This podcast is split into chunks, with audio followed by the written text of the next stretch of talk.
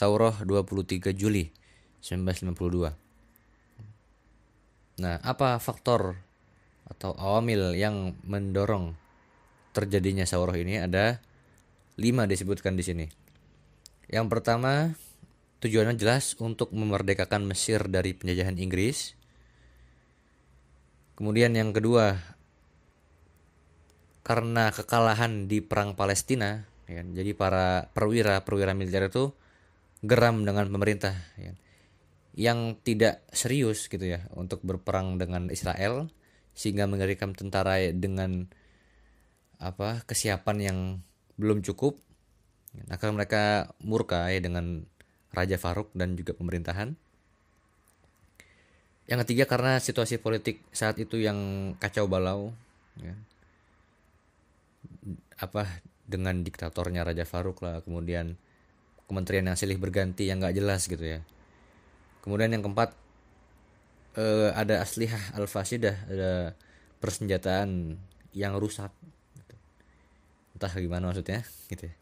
terus yang kelima adalah buruknya distribusi lahan pertanian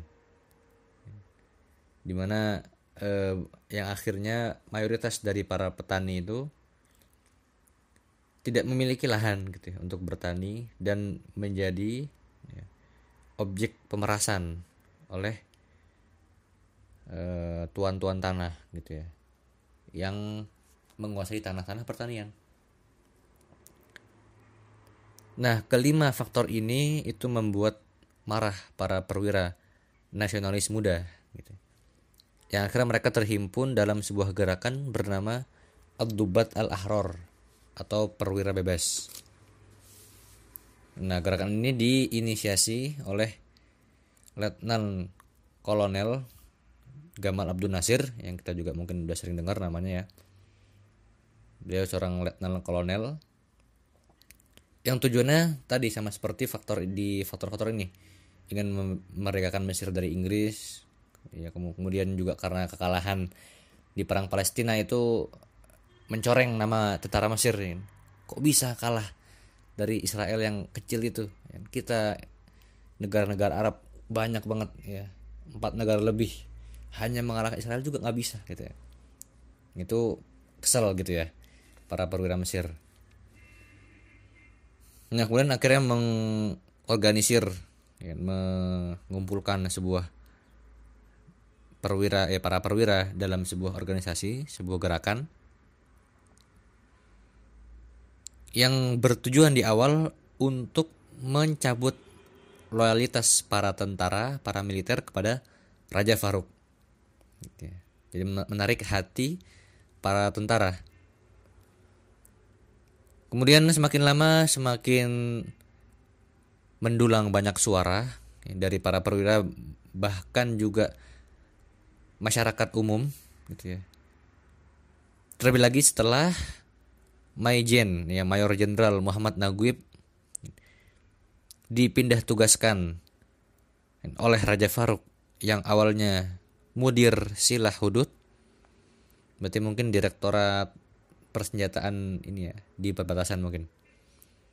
Digantikan oleh ya bonekanya Raja Faruk yang bernama Husain Siri Amir. Tapi bukan Husain Siri Pasha tapi Husain Siri Amir menggantikan posisi uh, Muhammad Naguib. Nah, karena digantikan posisinya, akhirnya Muhammad Naguib menjalinlah kesepakatan kerjasama dengan gerakan Dubatul Ahrar tadi. Dan nama Muhammad Naguib ini dijadikan sebagai apa ya tagline gitu ya tagline di gerakan Dubatul Ahrar untuk mendongkrak elektabilitas gerakannya. Akhirnya berhasil ya berhasil memikat banyak perwira gitu ya. Dan sempat mengadakan semacam voting gitu ya. Dan memang mendulang banyak dukungan gitu dari kalangan perwira sendiri. Dan bahkan mereka sudah membentuk sebuah gerakan yang cukup masif gitu ya cukup besar. Bahkan sempat mengadakan ber ber apa berulang kali pertemuan gitu. Pertemuan rahasia tentunya. Nah dari sini mereka semakin merasa gitu, mereka yakin bahwa Raja Faruk sudah kehilangan pengaruhnya di tentara di militer. Dan sudah kehilangan loyalitas mereka kepada Raja Faruk. Nah akhirnya sampailah pada saat ya mereka menyepakati untuk mengadakan sebuah revolusi. Pada tahun 1955 itu mereka target target pada tanggal segitu pada tahun segitu. Akan tapi kondisi saat itu tidaklah mudah gitu tidak e, semudah membalik telapak tangan gitu untuk mengadakan sebuah revolusi. Karena ya mereka akan selalu dipantau oleh badan intelijen dan juga ya dewan keamanan ya, pemerintahan Mesir kemudian juga ada juga Inggris gitu kan. Amerika juga sudah mulai e, muncul ke permukaan.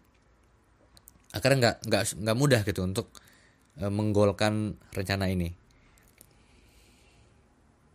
Nah itu kan tadi di tahun 40 ya 49 ya. Sebelum inilah sebelum kebakaran itu sebelum kebakaran Kairo. Nah di halaman 72 eh 82 maaf disebutkan disebutkan di sini bahwa setelah terjadinya pembakaran Kairo pada Januari 1952 akhirnya mereka ya gerakan perwira bebas ini meng apa mengganti gitu ya mengganti waktu revolusi yang awal 1955 dimajukan tiga tahun menjadi 1952 pada bulan November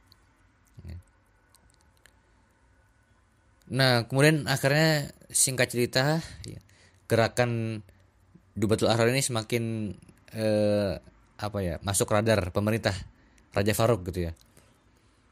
Nah, karena bukan ketahuan dan pada 16 Juli 1952 Raja Faruk memutuskan untuk ya, memberhentikan ya, atau meng apa ya menggulingkan gitu ya menghapus apa gerakan Dubatul Aror ini.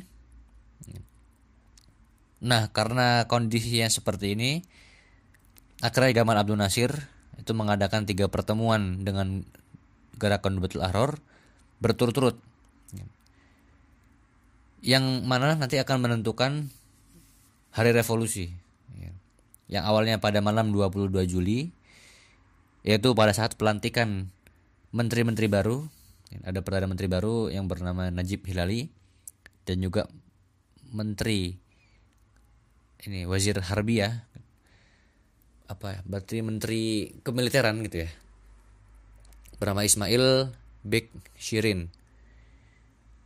Nah tapi karena keadaan tidak kondusif ketika itu akhirnya diundur satu hari menjadi malam 23 ya, untuk diadakan sebuah sauroh e, setelah ditentukan waktu re, e, revolusi pada dua pada malam 23 Juli. Nah, di esok harinya pada hari 20 eh, pada tanggal 23 Juli tepat jam 7.30 disiarkanlah ya, sebuah pernyataan awal al-bayan awal lisaur pernyataan pertama untuk revolusi disiarkan di seluruh radio-radio nasional Mesir tak lama mendengar nggak butuh waktu lama ya dari disiarkannya sebuah bayan ini dengan nama Muhammad Naguib gitu ya, sebagai panglima tertinggi angkatan bersenjata ya Qaid Am lil Quwatil Musallaha langsung ketika itu seluruh batalion-batalion ya, seluruh perwira-perwira itu menyatakan ikut gabung dengan revolusi dengan Sauro dan tidak hanya itu ya.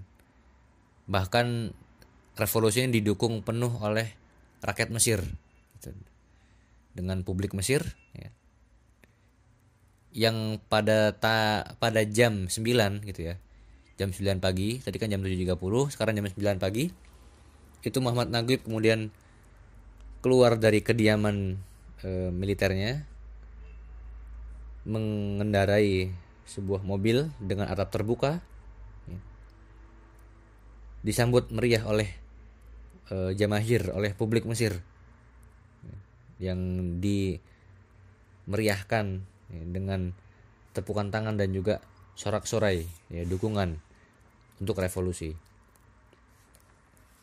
Nah, apa isi dari bayan awal ini? Itu isinya disampaikan oleh Letnan Kolonel Anwar Sadat yang mana nanti ketiga-tiganya itu ya menjadi presiden ya. Pertama Muhammad Naguib, kemudian Gamal Abdul Nasir, lalu Anwar Sadat. Ya. Jadi ketiganya berperan di awal ini, di awal revolusi. Jadi yang mengumumkan bayan awal adalah Anwar As-Sadat yang bisa dibaca sendiri di halaman 83. Kayaknya kepanjangan kalau harus diartiin ya. Nah, ya intinya menunjukkan bagaimana keadaan Mesir ketika itu yang apa ya sangat kacau balau gitu ya. Dan juga ditambah dengan kekalahan di perang Palestina. Terlebih lagi yang memerintah Mesir saat ini adalah imma jahil atau khoin atau fasid gitu ya. Maka di sini ya kami gerakan Dubatul Ahror, gerakan perwira bebas eh, ada ya, untuk membersihkan ya, pemerintahan dari orang-orang seperti itu. Gitu. Nah, lantas eh, pernyataan ini mendapat respon positif dari rakyat Mesir Nah, mengetahui ada revolusi ini, akhirnya Najib Hilali, perdana perdana menteri yang baru diangkat sehari sebelum revolusi ini, itu pada tanggal 22 Juli, meminta untuk mengajukan pengunduran diri. Raja Faruk e, Bada Zuhur, ya, setelah Zuhur di hari yang sama tanggal 23 itu memerintahkan Ali Mahir untuk membentuk sebuah parlemen baru dan semua terlambat ya yaitu pada sore harinya pada tanggal 23 Juli berkumpullah ya para perwira-perwira pimpinan revolusi itu di sebuah ya Bima Korel Kiadah bi Kubri al Kubah di markas pimpinan ya. Gerakan itu di Kubri al Kubah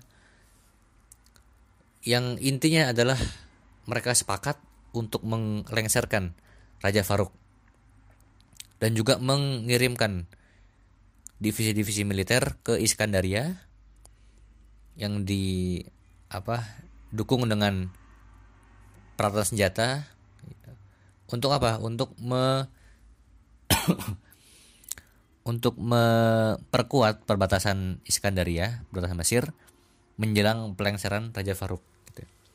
Karena kalau pelengseran ini nggak diamankan perbatasan, repot nanti. Ya. Nanti Inggris bisa mengirimkan ini ya kapal perangnya segala macam jadi di jaga-jaga gitu ya di perkuatlah perbatasan Iskandaria itu lalu kemudian sampailah surat e, pelengseran ya, kepada Raja Faruk. Kemudian Raja Faruk ya turun ya meletakkan jawatannya dan memberikan ya kepada putra mahkotanya yang bernama Ahmad Fuad atau Fuad II yang mana Fuad II ini itu lahir anaknya lahir pada Januari 1992 jadi baru enam bulan gitu baru berusia enam bulan diwasiatkan menjadi raja Mesir gitu ya kemudian eh, setelah turun Raja Faruk hengkang dari Mesir pada 26 Juli atau tiga hari setelah revolusi itu. Dan yaitu eh, kejadian revolusinya. Kemudian barulah eh, kerajaan Mesir betul-betul dihapuskan setahun setelahnya pada 18 Juli ya kalau 18 Juli kalau nggak salah atau Juni ya 1953 Oh 18 Juni ya di ada di maklumah Isra'iyah itu